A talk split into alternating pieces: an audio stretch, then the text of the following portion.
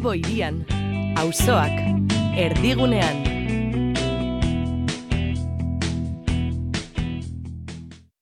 Eskerra, eskerra, ukabilkada. Lanaren ekonomia.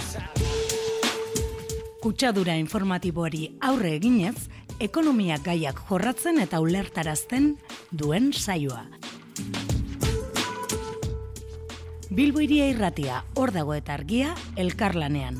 Lanaren munduko analizia. Lagunak egan, ametsak egan, izkinan bertan, usta bildu, eta berriz bueltan. Denbora gelditzea bagenu, don't stop. Amodi galidari.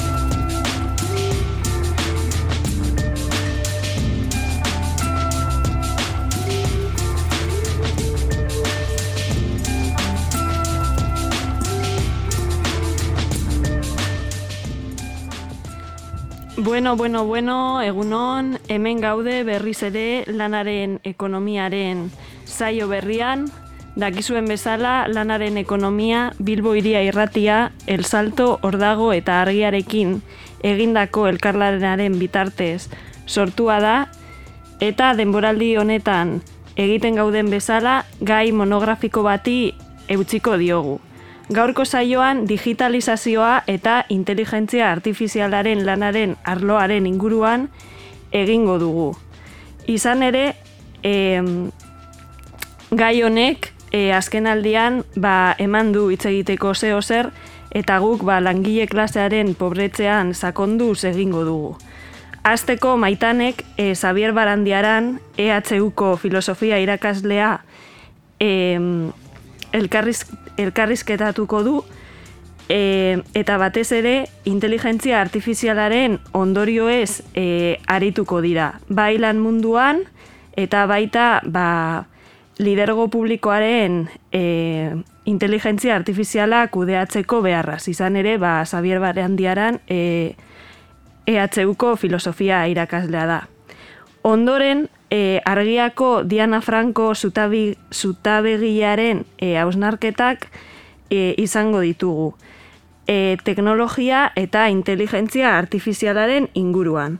Eta amaitzeko John Bernatek Albert Regzios e, papeles aldizkarian argitaratuko digitalizazioni trabajo artikulua e, aztertuko du. Digitalizazioak lan munduan izan dituen eraginen inguruan e, hausnartzeko.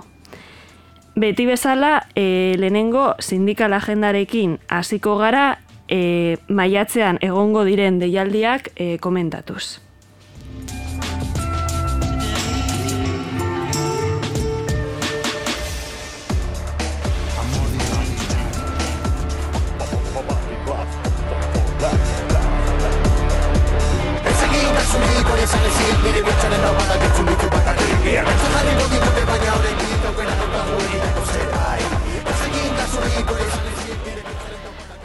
Bueno, eh, hasiko gara beti bezala, esan bezala, sindikal agendarekin.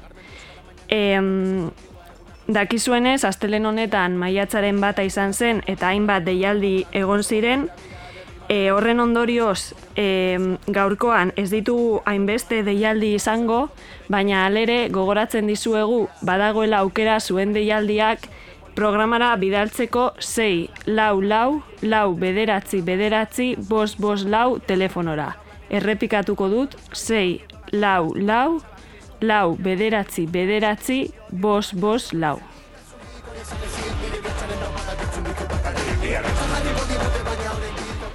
Eta orain bai, Nafarroatik hasita Lamoreako, H&M-ko langileak eunda berrogeita zazpi egun daramatzate greban. Hau da, 2000 eta hogeita biaren abenduaren bederatzitik euren lan baldintzak hobetzeko helburuarekin. Abre blanco negro, vieja escuela, no hay progreso. Busca el aire con quien quiere bailar un Gogoratzen dizuegu baita ere, implika enpresako langileen berrogeita bederatzigarren greba egunean gaudela gaur, maiatzaren irua. Greban jarraitzen dute, eta grebalariak eun kaleratze salatzen dituzte, horietatik euneko laurogeita amarra emakumeak izanik.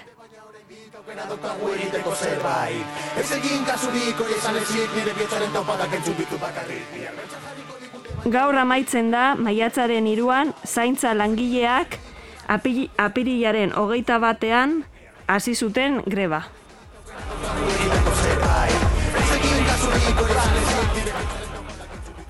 Osakidetzako garbitzaileen greba maiatzaren hogeita batera arte luzatuko dela esan du elak.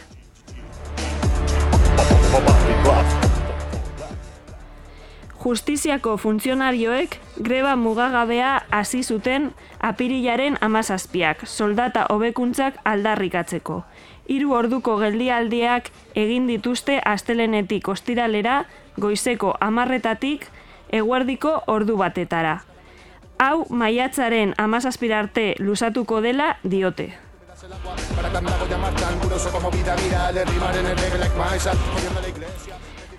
Air Europa konpainiako langileek greban izan, greba izango dute bai bihar maiatzaren lauean eta bai etzi maiatzaren bosteak.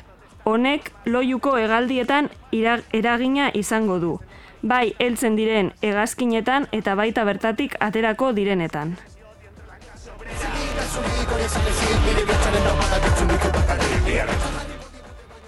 Bizkaian, maiatzaren sortzian eta maiatzaren bederatzean, la dependenziako zaintza langileak greba egingo dute.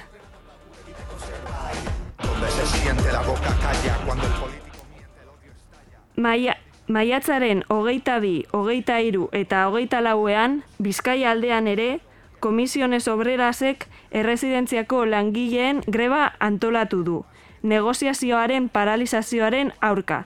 Ekainean ere deialdiak egongo dira, Beda, beraz, adi deialdiei. Abertzalean naiz naiz eta behartuta Euskara ingute bi estatu ilotuta Baina behin askatasuna lortuta Ikurriña entzuneneko kerreko du Eta amaitzeko, greba egongo da maiatzaren amazortzian eta emeretzian osasungintza publikoaren desegitea salatzeko.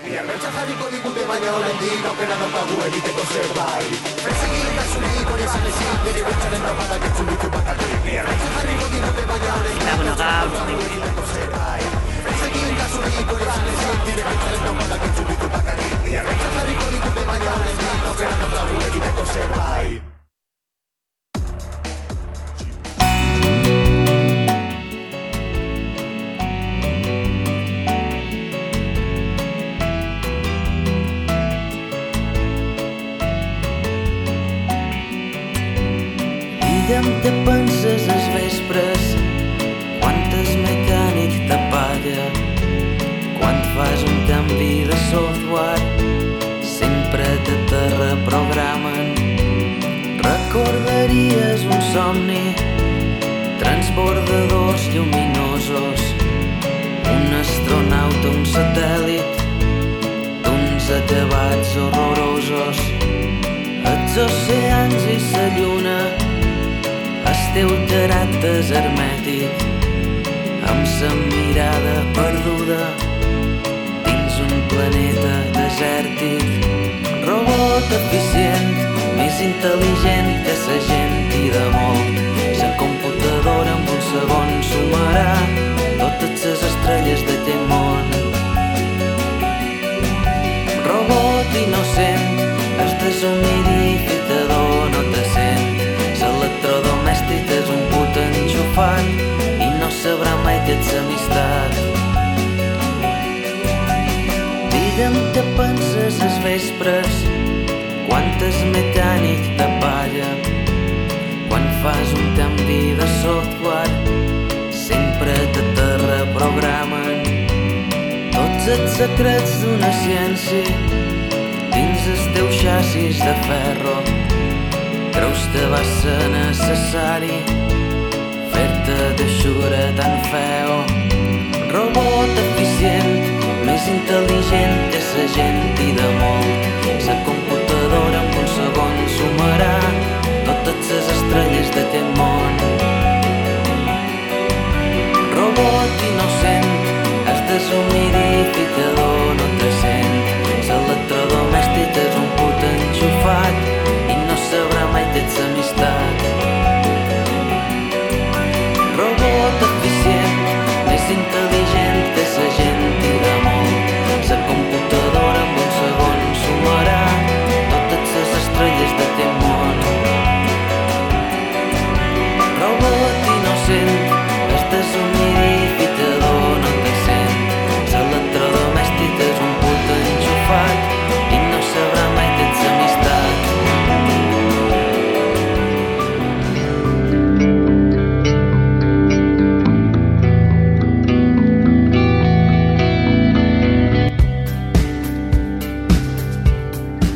Barandiaran, Euskal Herriko Ba. Uniber...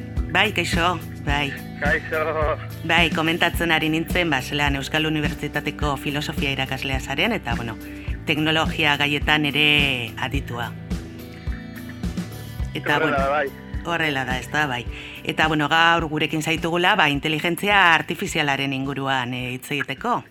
Bai, hasiko garaia. Ba, inteligentzia artifizialaz, ba, asko hitz egiten ari da, azken, bueno, azken garaia hauetan, eta eta naiz eta asko hitz egin, uste dugu, ba, etorkizuneko kontu badala, ez? Eta hala dela esan genezake. Ez, iaia batzutan i- i- iraganeko asuntoa da, berez e, duela irurogeita mar urte e, hasi ginen iz, izadi moduan adimen artifizialaren erronka jorratzen edo ikerketa esparruan ba, e, bide hori irekiz eta gertatzen ari dena da ba, azkenengo urteetan e, eskuragarri dauden teknologiak nolabait e, gizartera tu egin direla eta aurrera pausu nabariak ere eman izan direla.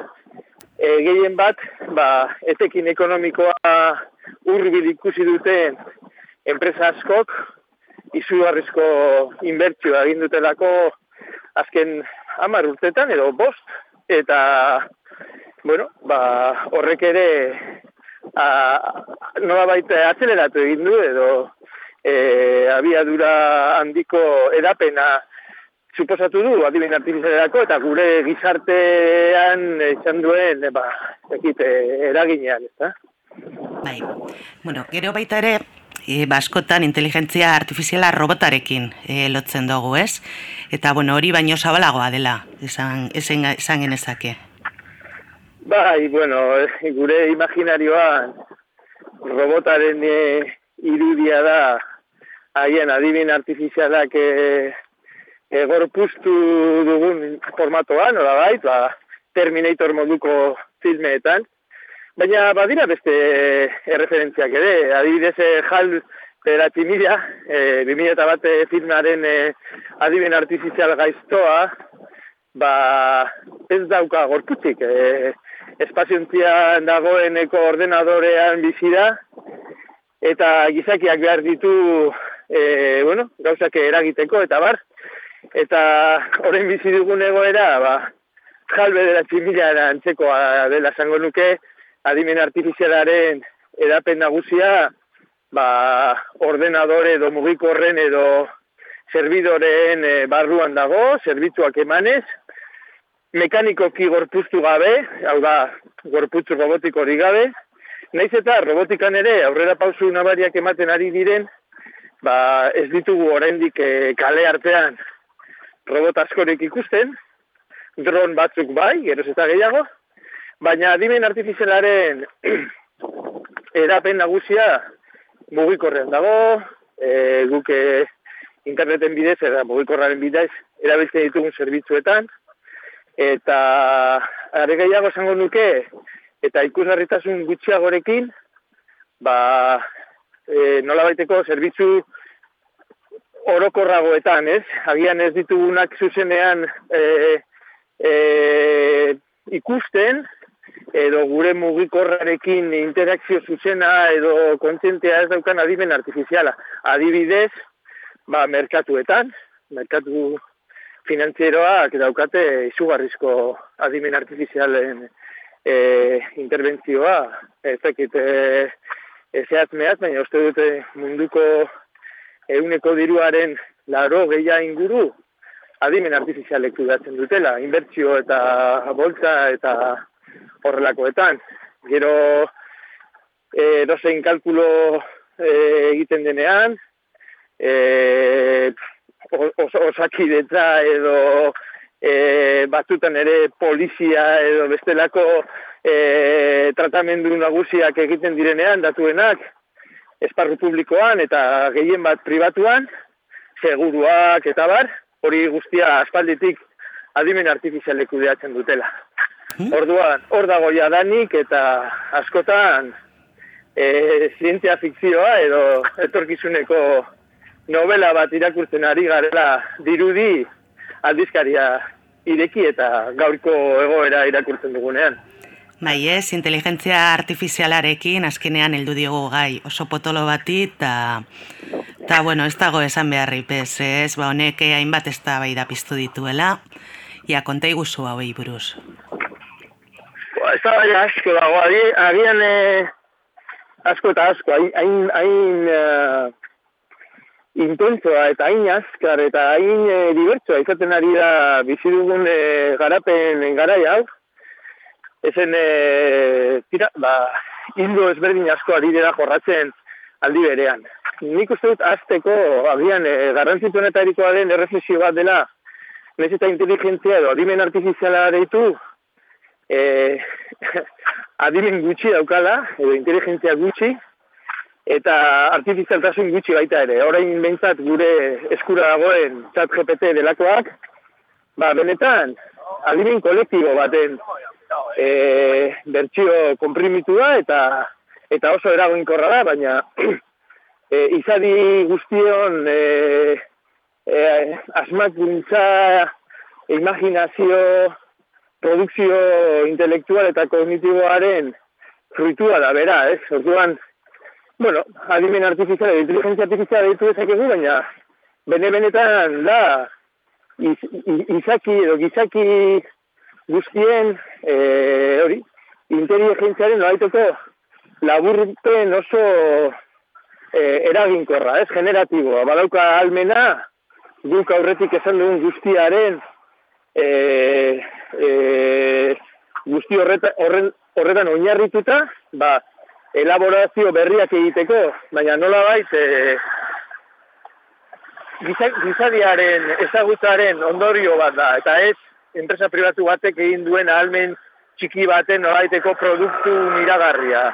Horretaz, e, nolabait, e, alden duin behar gara, eta pentsatu behar dugu, ba, ba, nolabaiteko adimen publiko bat dela, ez, artifiziala baino, e, adimen, gizakiaren adimena berez artifiziala da, esan nahi dute, guke daukagun e, almena e, gure ingurunea ezagutzeko, gure artean erlazionatzeko artifizialtasunetik dator, gizakiak izan duen ga, ga, gaitasun teknikoa e, teknikoak sortu du gure adimena, orduan e, hori ere hor, hor gainean utzi behar dugu, ezin dugu pentsatu adimen artifiziala, adimen naturalaren kontrakoa denik, baizik, eta gu ere, norm, eh, gu ere gizaki moduan artifizialtasunez beteta gaudela. Baina agian e, garrantzitsuaena izango litzateke onartzea e, adimen parte hori ba, ez daukala gure adimenarekin e, lotura na, natu, natura edo nolaiteko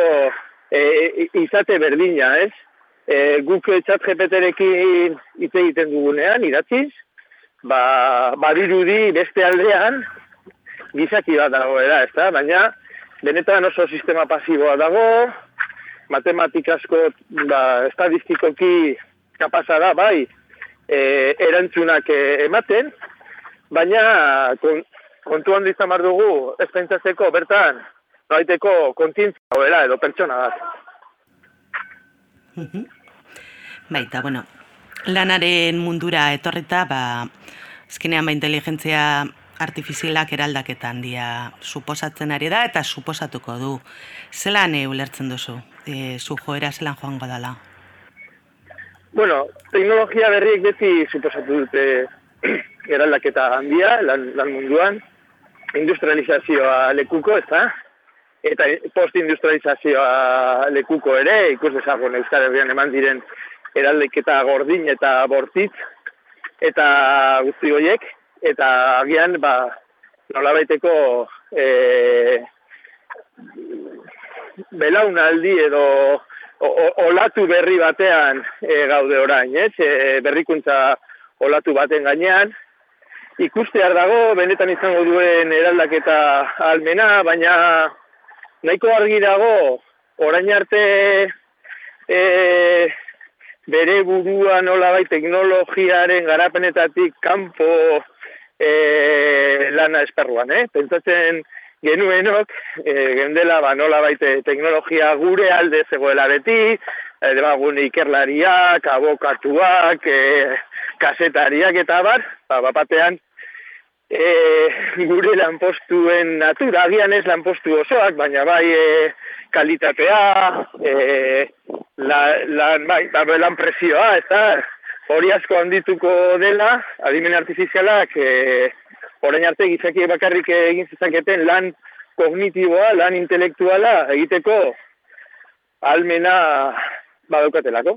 Eta hori jadanik hemen dago, enpresa asko ari dira berrantolak eta egiten, adimen artifizialeri agian oraingoz aitzakipean, e, baina mendi gutxia be, beharrez bultzatuak segurenik, eta ikustear dago.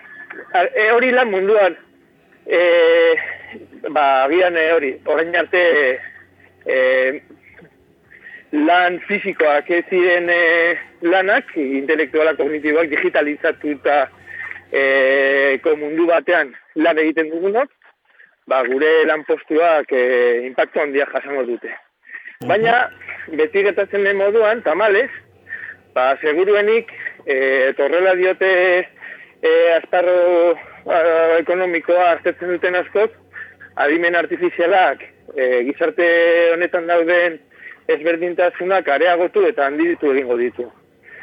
Hau da, nola baiteko klase ertaina desagertzea dagoela, inoiz existitu baldin bada, ba, ilusioa bada ere e, desagertu egingo da, eta eta txiroak direnak, edo txirotasunaratik urbil daudenak, ba, txiroagoak egingo zaizkigu, eta dirutsuak direnak, ba, are, are dirutsuagoak, ba, makinetatik irteten den dirutza guztia akumulatu egingo delako, ba, poteretzuen eskuetan, orain arte egin dela, baino are gehiago.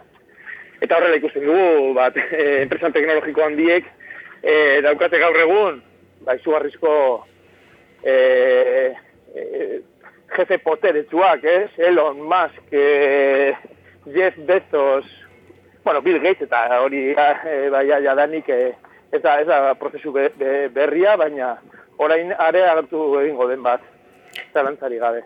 Bai, eta horrekin lotuta, ez? Bazkenean ba, inteligentzia artifiziala ba gehien bat e, jabetza pribatuaren eskuetan dago, ez? Eta komentatzen joan zara, ba horrek dakartzan, bueno, arasoak. Bai, baina ez da jendea pentsatzen duen beste. Ez nahi dut, orain badago oportunidade e, oso garrantzitu bat, teknologiaren garapenean eta teknologia horren gizarteratze e, gizarteratzean, e, benetan privatasuna e, eraldatzeko. Enpresa handiek daukaten abantaila oso handia da, baina e, badaude geroz eta iniziatiba gehiago, bai enpresa txikiak, egin kolektiboak, e, fundazioak, bestelako gizartetik e, sortu diren ba, ete, e, eragileak e, izugarrizko garrantzia izaten ari dute adimen artifizialaren garapenean eta gizarteratzean. Ez ditugu hainbeste ikusten, ez daukatelako dirun nahikoa bere iniziatibak edo bere produktuak edo nola esateko, bere adimen artifizialak e, gizarteratzeko baino ezagutarazteko, baina hor daude eta izugarrizko tentzioa bizi du orain ba, adimen artifizialen munduak privatasun edo privatizazio eta kolektibizazio edo ba, softwaren munduan e, software azkea edo irekia edo e, partekatua deritona. Ez da, hor, tentzio izugarria dago. Izatez, orain, e, bueno, fama gehien lortu duen enpresa hau, txat GPT-en e, sortzailea, OpenAI, bere sorreran oso espiritu irekia zeukan, gizarteari hon egiteko, privatazunaren kontra, baina Microsoften amar mila milioi dolarrek, ba, e, nola baita, e, erosi dute bere e, gizarteratze ireki komunalizazio jarrera hori, ez? E, baina aktore asko daude eta egia da horrelako enpresetan e, lortze dituzten ikerlariak eta nola baite e, adimen artifiziala aurrera bultzatzen lagundu duten ingenierio eta programatzaile gehienek badaukatela kapitalismoarekiko erlazio oso tentsoa eta eta benetan gauzak beste modu batean egiteko gogoa. Hortaz, e, gizarteak eta agian ere, esparru publikoak, orain egin dezakeen ekarpena, e, e, ezinbestekoa eta erabaki horra izango da. E, orain ematen badugu berreteko bultzada bat, adimen artifizial publiko bati, edo ireki bati, edo privatizazioaren kontra egiten duen bati, etorkizuna guztiz ezberdin bat e, izan dezakegu. Orain ezer ez egiten ez badugu, eskuak e, burura eraman edo edo ukatu adimen artifizialaren e, etorrera edo edo garrantzia, ba hemendik bost hamar urtetara berandu egi izango da. bueno, ba, jarri gaitezen danok e, hortan orduan. Hori da. Bale, ba, Zabir Barandiaran, ba, eskerraik asko gurekin izatearen.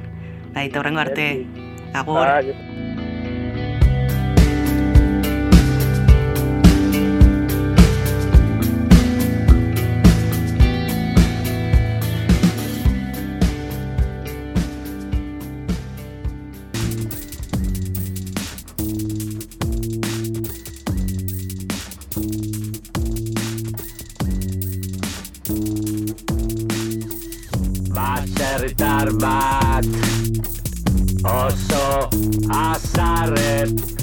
Sumatu eta Alaxe jarriak dira bertxale hauek. Ardi esnea erdira Bajatu diotela. Pentsua egunetik egunera gora dijoala Horrela ziteke ala jarraituta. Nekazaritzak hemen! urterik onenak izan zituan Besterentzako ia erdia nola egin behar baituan. Hobedala eta sartu ginduzten gu ere Europa batuan. Denbora izango da testigu zer ondorenak dituan. Diferentziak handiak daude eta ez da faltako minik. Hemen batzuen jarriko dira. Eginda bizi ezinik. Ez baita inor lagun urkoa maitatutzen degun pinik. Dirua jarri da jangoikota. Ez daukagu zer eginik.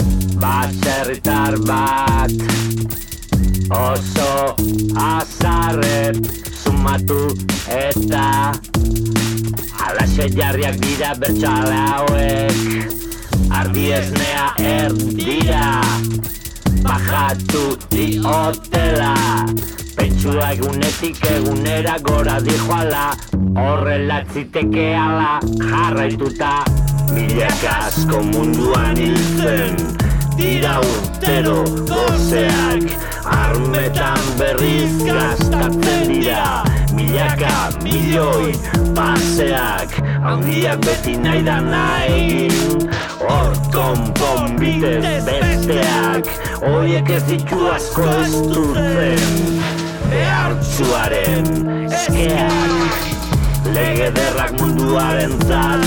Hor daude jaunak jarriak Baina gizona konforme ez da Egin zituen berriak. Horrekin ez du benta jasko Langilea eta herriak. Ikasi dute mundu zarroni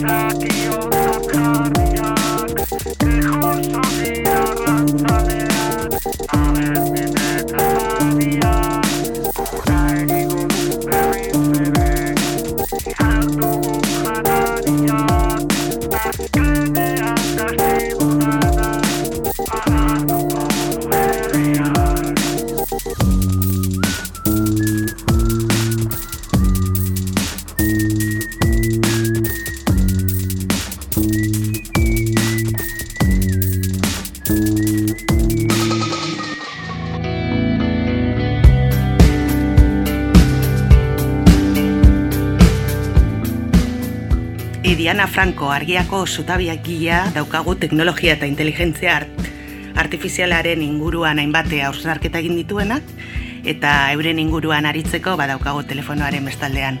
Egun on, Diana? Egunon, Bai, bueno, aipatu da bezala, ez? Hainbat hausnarketa egiten dituzu gau gai hauen inguruan, eta, bueno, ba, lehenbizi, ez? Izango litzateke, ba, ba, bueno, komentatzen duzu nola, ba, teknologiak lan mundua eraldatu egin dabela, ez? Ta, ja, kon, konta iguzu apur bat honi buruz.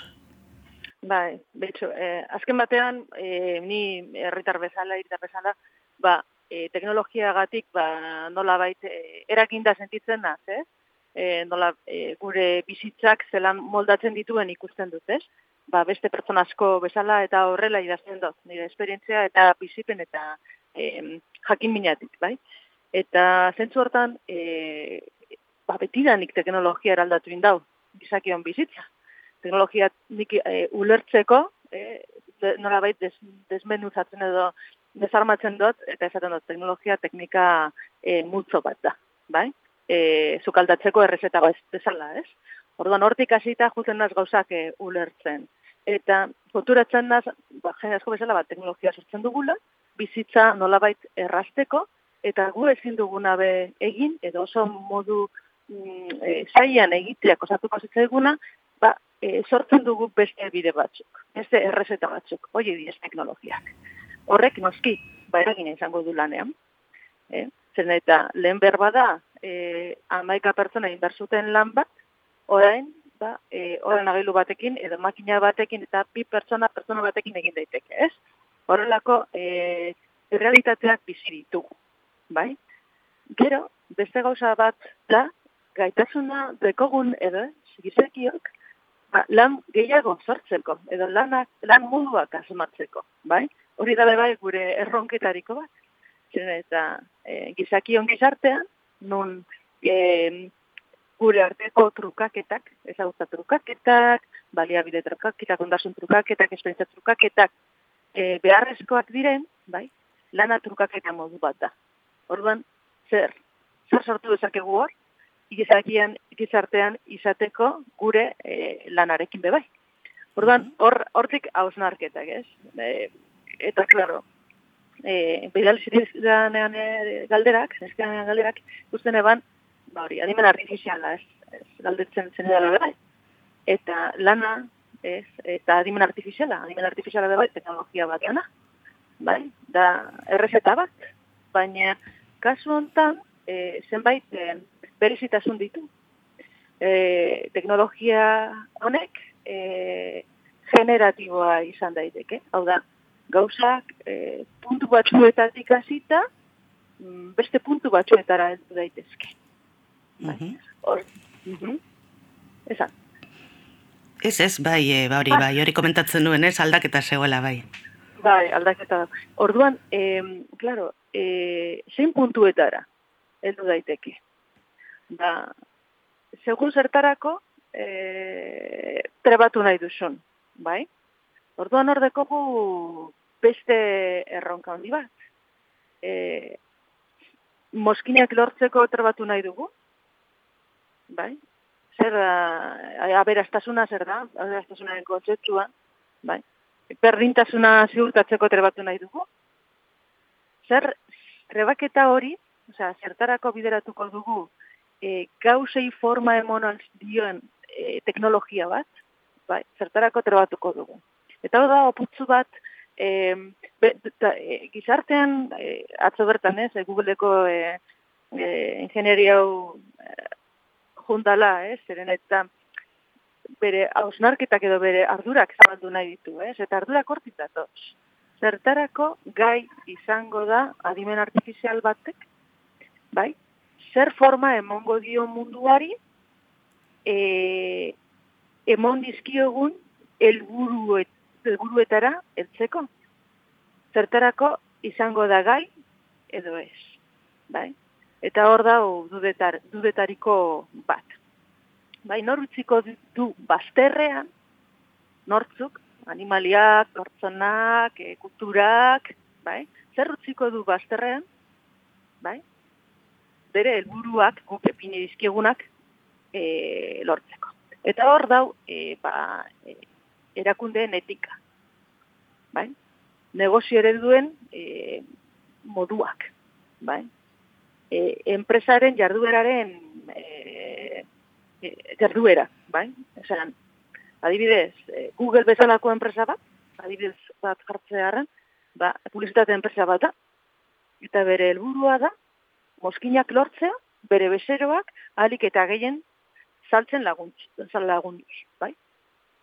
Horrek, adimen artifizial batekin, igual, suposatzen du, publizitate oso sofistikatu bat, zeina e, egokituko dan automatikoki, bai?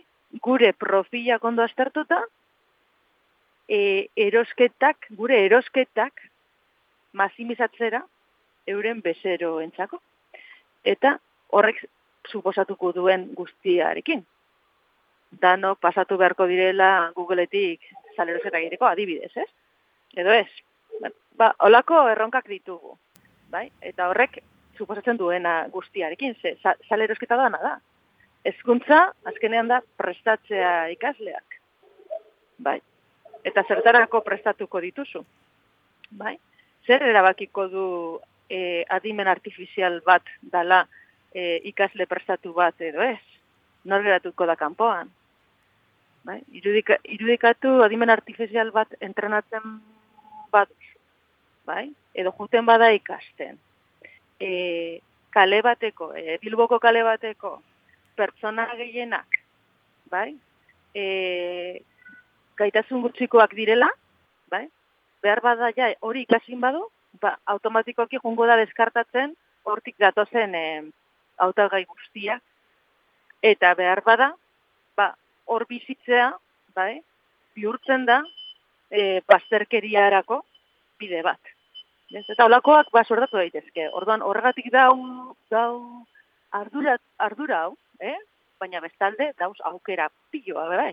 E, eta adibidez medikuntzan, datuen analizi handia, adibidez, zuk esatu badiozu, adimen artifiziala bati, ez? Zinatzen zuen, behar bada, bere helburua bada, ba, kanzerra e, eragostea, bai? eta horretara bideratzen bada, ba hor, kriston lana eta kriston laguntza egin dezake, ez? Orduan, beti gaude bi, bi aukeren artean, eta gauza, hausnartzea beti dauna. E? Eta hausnartzea, ez da eh, ezer, ezerri, ezer ezatea baizik eta pentsatzea eta pentsatzea zeintzuk diren sorzer bultzatzen duten atzeko interesak eta zein parte gustatzen zaigu edo uste dugu bizitzarako bizitza baterako onuragarriak diren eta zein parte uste dugu bizitza bazterretan edo bazterkeria sortzen duela edo e, e, gatazka sortzen duela edo ez ez da nagokia, ez? Edo galera, galerak beste galera batzuk sortzen dituela, ez? E, kultur eremua, e, gizakion e, harreman e, eremuan edo dena dela. Bueno, zako txapa. Eso, ondo, ondo, bai.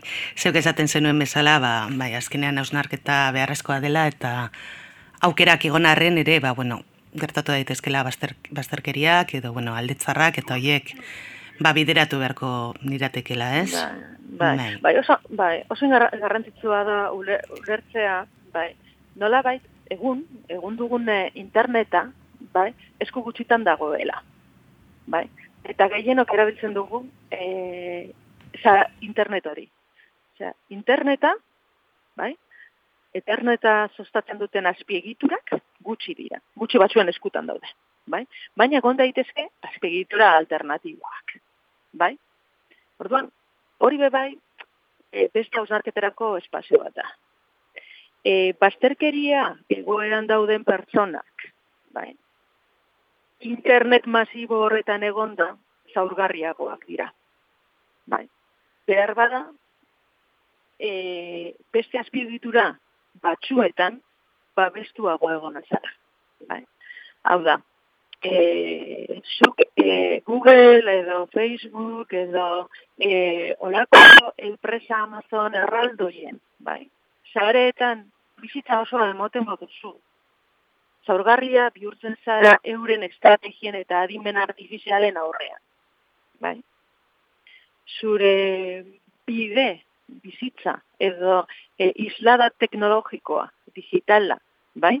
Beste azpigitura batzuetan garatzen baduzu, ba, eurekiko babes bat e, sortzen egongo zara, bai? Pribatutasuna dela, eta zure bizitzaz ez dakitelako hainbeste. Eta hor dago beste, beste gai e, potolo bat, ez? Azpiegiturak noren eskutan dauden, e, zer egin dezakete hor barruan, e, zelan sortu azpiegitura alternatiboak, e, babesteko herritarrak eta euren garapena beste interes batzuen e, aurrean, ez? Bueno, oso. Gauza asko dira, bai, bai. Bai, gai potolo bat, eta ausnarketa potolo. ere zabala ez, e, beste Bai, baterako, ba, egokia izango litzatekena. Bai, Beste bai, batean, ba, bueno, zurekin beste elkarrezketa bat, eta honen inguruan aritzeko. Bueno, Bale, ba, ba, dakite zozerretan e, argitu dudan edo konfusio gehiago sortu, baina, bueno. Bale, ba, e, ba, Diana Franco, eskerrik asko gurean izatearren, eta horrengo bat arte. Zuei eskerrik asko. Bai, Agur. agur. Agur.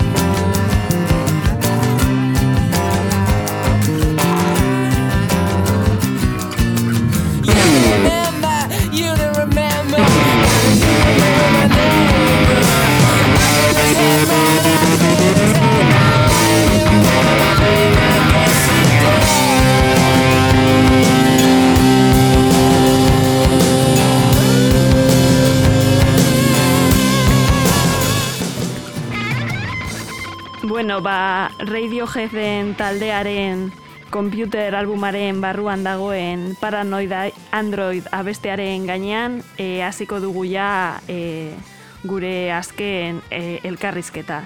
Esan bezala, ba, Jon Bernatek, e, Albert Reziok papeles aldizkarian argitaratutako digitaliza, digitalizazion i trabajo artikulua e, astartuko digu.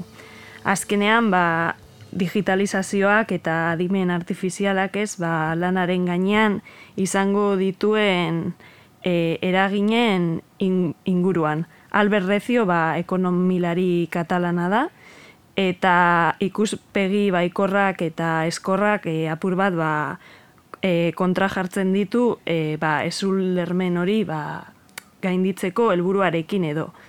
Eta ba hori, Jon Bernat, zeintzuk dira reziok e, nabarmentzen dituen erronka nagusiak?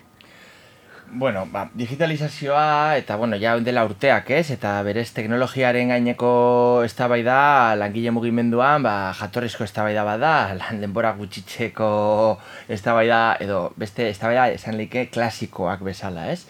E, adibidez, saionetarako eta honi buruz berbaiteko gobiatu nahi izan dugu Imanol Zubero, e, lan soziologoa, eta berak adibidez, ez du, uste dut, larogeita bederatzi garren urtean, larogeita, mila betxoen, larogeita bederatzean publikatu ban bere tesia, eta zan sindikatuak aldaketa teknologikoaren aurrean, osea, berez, eta gero nik goratzen dut, txosten bat, e, likiniano elkarteak e, aprobizkatutako, ba, apurtxu bet, ba, mugimendu libertarioa, eta aldaketa teknologikoan ingurua, bebai, larogei garren amarkadako, edo larogei tamar garren amarkadan hasierako. Orduan, ez da klasiko honetan, ba, berez, e, ba, erreparatuko diogu, alberrezio, ekonomilari katalanak, eta berez, lanaren ekonomian, edo lan ekonomian aditua, eta bueno, ekonomia kritikan arloan, ba, lan inguruan asko ikertu dauena, ez? Eta berez, digitalizazioa eta gaur egun gero eta gehiago, no? Pues adimen artifiziala edo azken e, aurreraka teknologiko digital e, horien inguruan, ba, lanaren keska edo lanaren inguruko keska, ba, baditu hiru adar edo hiru arlo, ez? Bat da, klasikoena edo bueno, oikoena gehien kezkatzen gaituena dana lanpostuak desagertuko direla eta orduan ez, ez da egongo lanik eta orduan prekarizazioa egongo da eta jendea pobrezira joko deu eta eta eta bueno, berez eztabaida klasiko hori, ez? Garaian Jeremy Rifkin e, lanaren amaiera, e, ba, tesi esegoki edo tesi kutsakor horien baitan, e, e, hori izango da artikulu honen eta gu gure sola, sola honen ba, lehenengo hausnarketa hildoa, ez? Lana sortuko da, lana desagertuko da, lana desagertuko da, lana amaituko da, berez, bueno, ba, horren inguruan.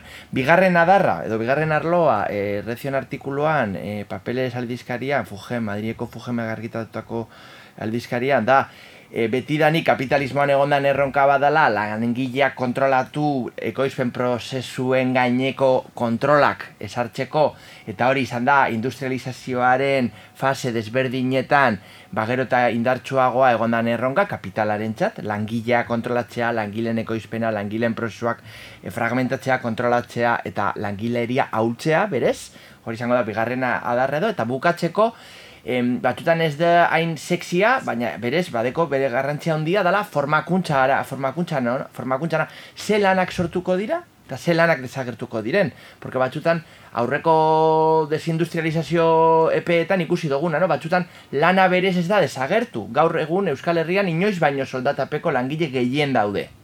Baina kontu da ze lanak desagertzen dira, eta zein da lan horietan dauen formakuntza eta eta kualifikazio prozesua, eta gero, bestaretik, ba, zein zelanak, ager, zelan berriak agertzen diren, ez? Eta kasu honetan, horren inguruko, ba, ez da bai Eta, bueno, berez egu ez gara insistematikoki egingo, baina alberrezek bere artikuluan, interreten topatu aldan, digitalizazio, digitalizazio ni trabajo, notas para un debate artikuluan, e, bera beti, e, bai, e, zuk e, Inez esan dozu moduan zu aurkezpenean, beti dago, baikorren eta eskorren arteko hori, no? Sarritan ez da politikoetan, beti muturreko posizioetara joaten gara, eta batzuk oso katastrofistak dira, eta digitalizazioak eta teknologia bukatuko deu lanarekin eta hori katastrofe bat izango da eta gero beti dago oso baikorrak diren ba, e, posizioak de ah, oso ona izango da e, e, teknologiari esker ba, e, e, aizial dira joko dugu gure bizitza eta ez dugu lan egin behar eta ze hona dan hori eta hori berez bada bebai oso ikuspegi klasista eta eta eta privilegiatuen e, e, marko analitiko bat. Orduan, bueno, hori da apurtxu bet e, laburtzeko artikulonen e, aria. Bai, ba, komenta bezala, hori, e, azkenean, ba, klasikoena edo ez, zu lehenengo komentatu duzuna da, e, ba, lanpostu askoren desagerpena, eta gero beste lanpostu berri batzuen sorkuntza, eta zer komentatzen du, ba, reziok honen inguruan, ez da bai da honen inguruan. Mila beratxion eta larogeita ama bostean Bill Clinton e, estatu batuetako presidenteko aholkulari nagusia burtsuet bere Iban Redondo izan zana, Jeremy Rifkin, oso modan, modan, modan jarri zan liburu bat e, argitaratu zuen, el fin del trabajo, no? The end of work.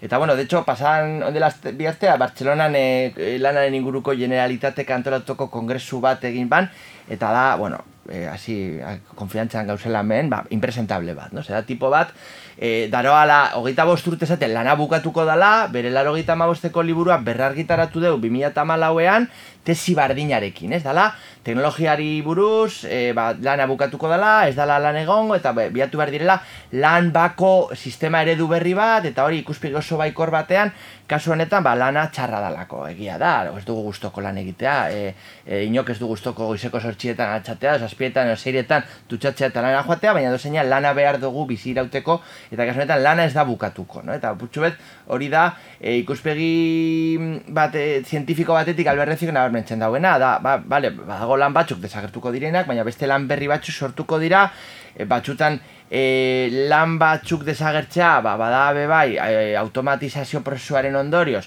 ba, e, zenbait teknologia berrieri esker, adibidez tipiko topiko da adibidea da pe, autopistetako peajeak.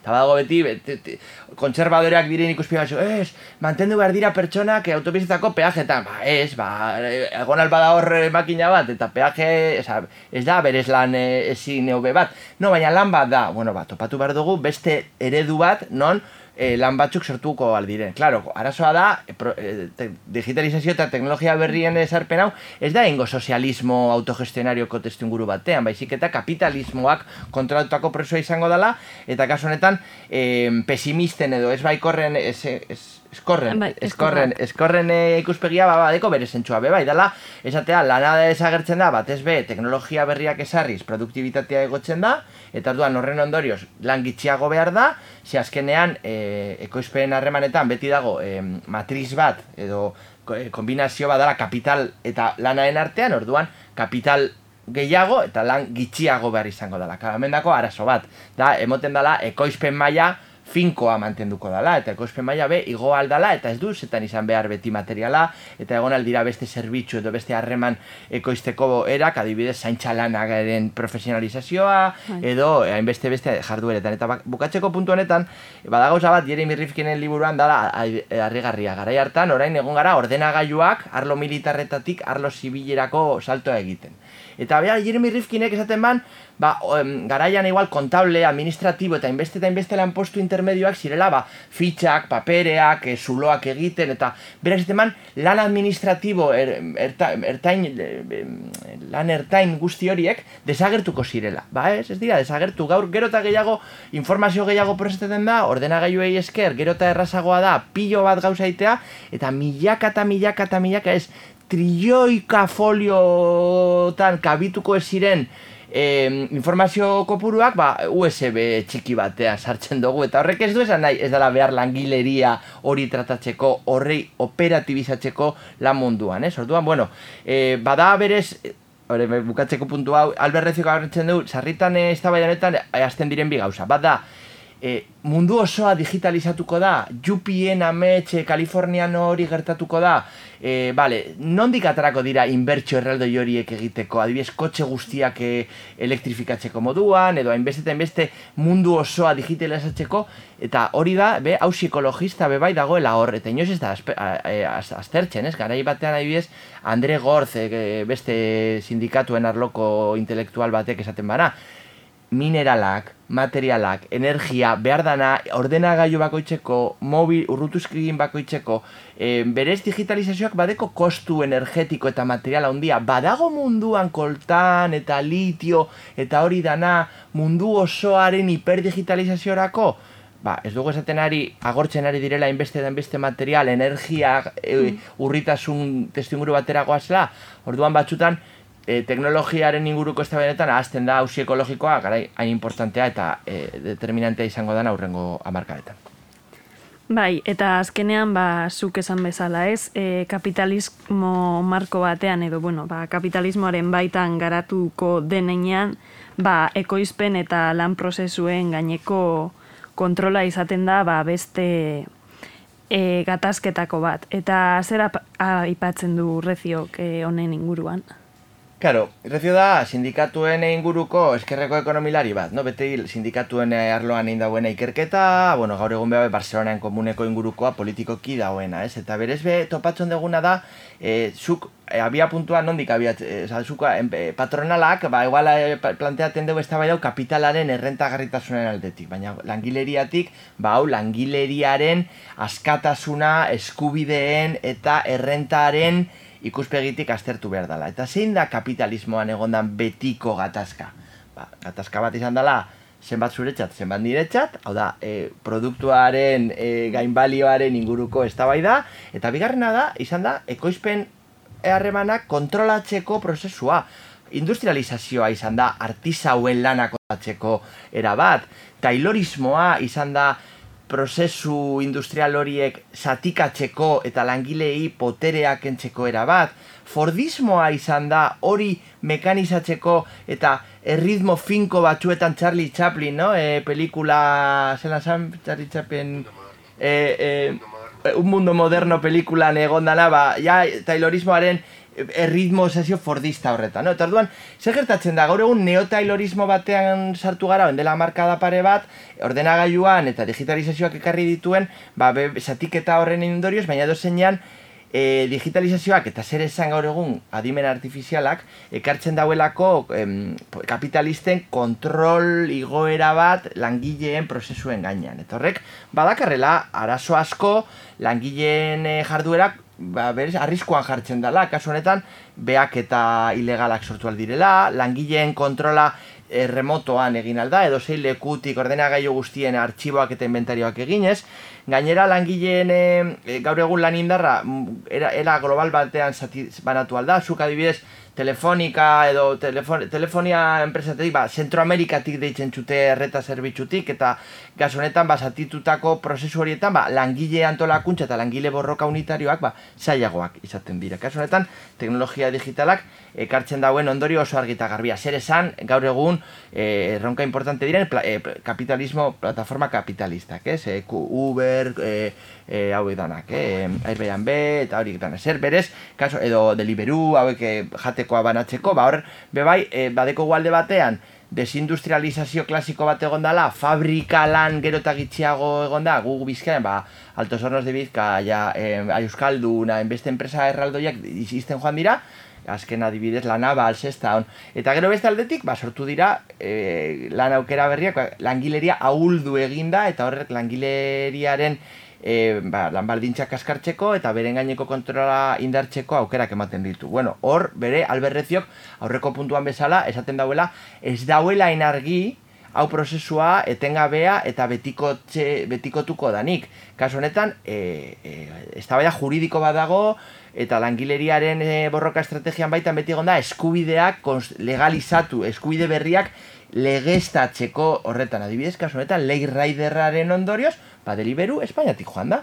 Eta gero, eta Uber adibidez, orain be e, falso autonomo horien gainean, lehen Uberrekoak izan ziren autonomoak, baina orain soldatapeko langileak dira, eta horrek e, kompetitibidea kendu, kendu dio Uberreri, eta Uberrek pasadan egunean, em, izan dit batek, direla ja, undaka eta undaka Bilbo aldean, baina edo zeinan Uber enpresa, bada enpresa bat, e, porrot egiteko zorian, crack finantziero etengabean bizian enpresa bat, adibidek, adibide, edo Airbnb, piso turistikoekin, eta berduan, eztabaida politikoa e, zelan erregulatzen da lana, eta langileria, sindikatuak, eta langile autono, langileen antolakuntza erakundeen aldetik egin aldiren, borrokak. Eta legeztatzeko, eskubideak legaztetzeko e, aurrerakadak, ba, oso importanteak izango dira, kasu honetan, langileen gaineko kontrola ezin dartzeko eta, eta teknologia bebai, e, kaitz kanzelak adibidez, utopias digitales, orain dela gitxe argitaratutako liburuan esaten duen bezala, ba, e, edo zeinean sozialismo teknologiko batera egoan gara baita, azkenean langileria kontrolatutako garapen teknologikoa, engo dauena da, bebai, e, danontzako hobeagoak izango diren testu inguru laboralak sortu, errazagoa dalako, zelan errepetitiboak automatizatzeko aldiren einean, hau da, como gaur egun, mekanizazioaren kontra egongo bagina, e, no, nahi dut esku zigotzea dana, bueno, ja, ez, eske dekogu makina batzuk igotzen direla, ja, baina eskelen hogei pertsona behar ziren pisu hori altzateko, eta orain makina batek itzen dugu. Ja, bueno, ba, joan zu izerditan eta hogei pertsonekin hori altzaten, baina edo zeinan, kapitalismoaren e, historia bezain zaharra da ez da hau, eta edo zeinan, borroka e, politiko eta sindikalerako gai oso importante bat. Bai, eta bukatzeko e, azken eta hirugarren erronka ez, ba, ze motatako lanak desagertuko lirateke eta zeintzuk izango lirateke formakuntza berriak. Bau, gai zaila da, eta zarritan eh, oso, oso komplexua da ondo planteatzea formakuntza. Erraza da esatea, e, formakuntza, etengabeko formakuntza, eskuntza sistematik, gero langileentzako formakuntza, e, zelako antolakuntza egin behar dan, e, ez ja bakarrik digitalizazioaren aurrean, baina orokorrean ze motatako langileak, ze formakuntza maila eta ze adarretako e, jakintzak behar dituzte langileek e, ba, lanerari begira, eta karo, hori, hori formakuntza prozesu ezin dira antolatu in situ momentuan beharrezkoak diren lekuan, ze bi edo lau urte harinago hasi behar dira formatzen, eta orduan e, prospekzio gaitasuna behar da, aurre ikusteko zelako langileria behar izango da emetik bi edo la urtera. Digitalizazioarekin argi eta garbi gertatuko dana da e, historikoki e, kapitalismoaren e, garapen teknologikoak beti e, e, desagertarazi deu lanpostu B klaseko edo lanpostu e, reziok ez du onartzen kualifikazio kontzeptua, baina esan formakuntza basuko lanak automatikoenak, e, simpleenak e, desagertarazi ditu, eta biseinu operatzeko edo gauzak e, kontrolatzeko, no? E, bai ez fabrika batean, ba, gaur egun ez da behar Chaplinen mugimenduak egiten ditu langile bat, gaur egun behar da pantalla digital baten aurrean e, informazioak interpretatzen eta eta operazioak e, kudeatzen dakien ba, eskuekin kudeatzen dagoena pantalla batekin, eta horretarako behar da formakuntza, beste formakuntza bat, igual ez duzu behar indar fizikoa, baizik eta e, jakintza e, intelektuala edo garapen tekniko bat. No? Orduan, e, hori da beste funtsesko eztabaida bat e, digitalizazioan nenguna, ze lanak desagertuko diren eta ze lanak agertuko diren. Eta zein da digitalizazioan eta bereziki adimen artifizialaren inguruan dagoen berezitasuna, ba, goimaiako lanpostuak desagartarazteko auke, e, aukerak ematen dituela. Eta karo, betikoa, B klaseari kaltetzen dauena ez dau inorik eskatzen komunikabideetan, telebistan eta abar. Hau, orain, e, kaltetzen dauena direla goimaiako formakuntza handiko ikasketa universitario luzetako jendeari, ha, orduan bai, orduan da, ez da bai da oso importante bat, ze berez, e, jende hori badeko agentzia gaitasuna komunikabideetan idazteko, telebistetan agertzeko, eta abar, orduan, edo zeinean, e, ez da hain problematikoa, Kasu honetan, e, e, formakuntza berri batzuetarako aurreikuspenak egiten badira, eta gero eta gehiago, eta adiz gure Euskal Herrian, eta Espainian baita ere, farentxan ebies askoz garatutagoa eta hobeto antolatuta dagoen, formazion permanente, ez? Etengabeko formakuntza, hau da, langileen gainean, pentsa, gure kotizazio sozialen euneko biko mazazpia formakuntza fondora doa. Eta gu dekogu, langile bigisa eskubidea, e, formakuntza, etengabeko formakuntza egiten. E, eta hori e, berez badeko kasu honetan digitalizazioan aurrean e, egoteko, ba, hori e, aplikazioak erabiltzen ikasi, kasu honetan beharrezkoak izango diren e, e, funtzioak e, betetzeko ba, ikastaroak egiteko, eta karo, e, importantea da langileriak bereziki sindikatuetatik, baina baita langile kolektibo oroetatik, ba, horren inguruko hau irroikuspenak zer izango da beharrezkoan nire lan postuan, ze motatako beharrak ongo dira aurrerantzean orain automatizatuko diren funtzioetan nik ja ezin izango ditudanak egin, hori importantea da, baina gero bigarren maila da instituzionala edo gobernuetatik zelako e, formakuntza katalogoak ateratzen diren, kasu honetan, e, e, eukitzeko ekoizpen harreman berrietarako egokitutako formakuntza, etengabeko formakuntza sistema, eta, bueno, kasu honetan, ez gazteentzako ez bakarrik, baizik eta helduentzako dire, helduak diren langileentzako egokituak. Edo zeinan, hemen, aurreko puntuan bezala, alberreziok diona dela, e, erantzun politiko eta sozialak izango dira determinanteak e, e, afer honetan. Eta ez dindoguna da e, jauzi, ez da pesimismo, eskortasun edo katastrofismo horretan, de, ah, betiko hori ba, paralizantea dan e, katastrofismo horrek e, diona, ez? E, ez dago zer egiterik, ja kapitalak beti kontrolatuko ditu gure bizitza eta hori, ez? Borroka marko sozialista eta ekologistan e, bidezkoa da eskubide berriak eta erregulazio berriak sartzea, eta gero e, ez jaustea besta e, baikortasun jupi burgues horren baitan dagoen ah, ze ondo, teknologiek dena ingo du guretzako, karo, zuk deko zulako ja da etxe hon bat, e, kapitala, akumulatua, aurrezkiak, langileriaren e, gehiengo bat e, gutxienez, biztaleriaren uneko irurogeita mar, ez deko margenik horrelako testinguru jupi eta baikor batean bizitzeko orduan berrezkoa da, erantzun zehatzak eta politikoak e, denontzako e, bideragarriak direnak. Ba, bai, ba, eskerrik asko Jon Bernat, e, ba, hori, guri rezioren artikuloa helarazteagatik eta azkenean, ba, hori, afer hau, e, ba, testu inguru konkretu batean jartzeagatik. Zut, inoiz, oka, toko zer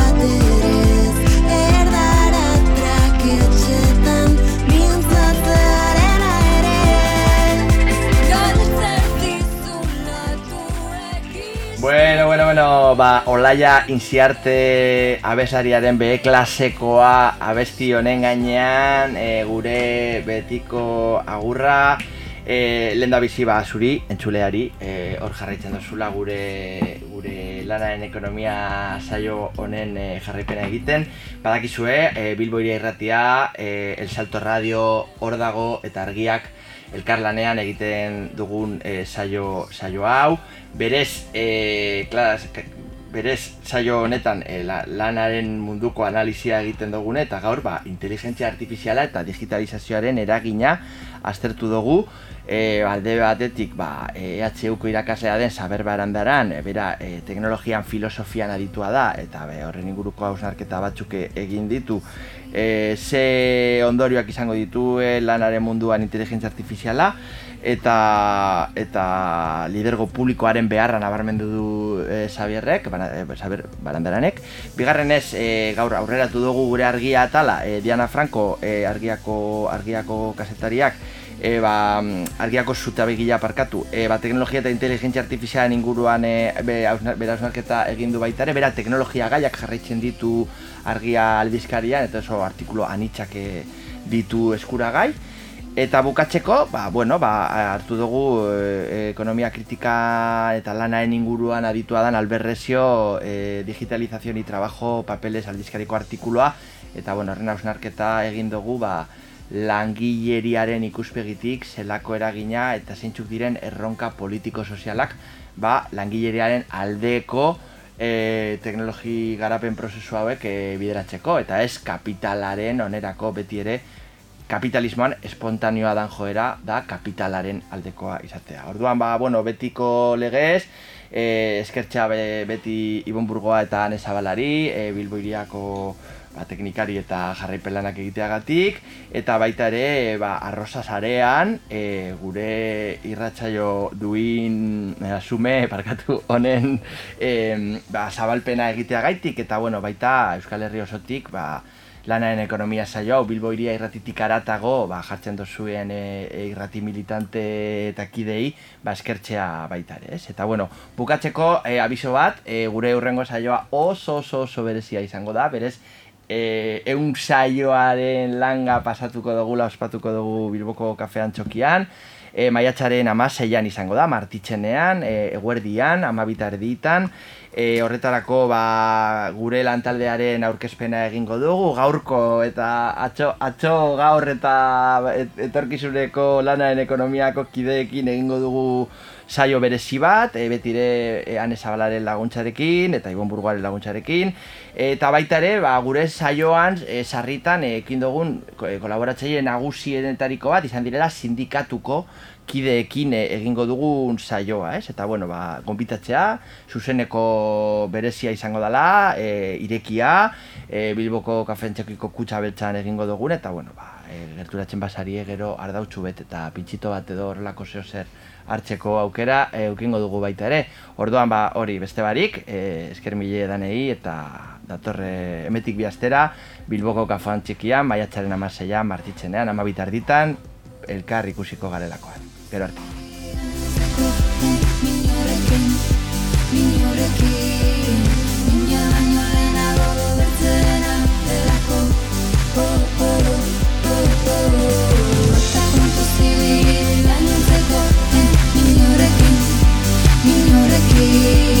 Mina baino lehenago dutena delako Oh, oh.